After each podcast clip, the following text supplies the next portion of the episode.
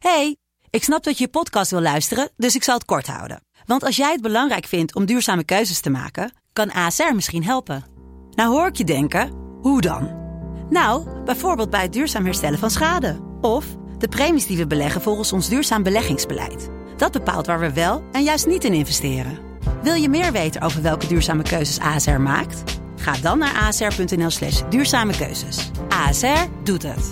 Zo, dan kan je nu lekker naar je podcast luisteren. Hey, ik snap dat je je podcast wil luisteren, dus ik zal het kort houden. Want als jij het belangrijk vindt om duurzame keuzes te maken, kan ASR misschien helpen. Nou hoor ik je denken, hoe dan?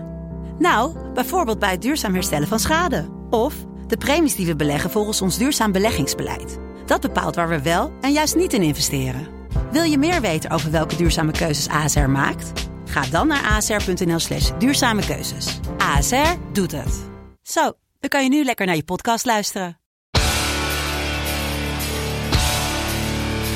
Dit is Mand, kortste podcast van Nederland. Vandaag gaan we het hebben over mandarijnen. René zijn vaak in de aanbieding. Ik zag laatst iemand die nam een hap van de mandarijn met schil. Echt? Ja, En toen? Wat zei je toen? Hebben we geholpen? niks. Nee, het was eigenlijk een filmpje op het internet. Ja, zo kan je alles wel zeggen. Ik heb het Ja. laatst gezien. Dat is waar. Slappeling. Dit was Mand.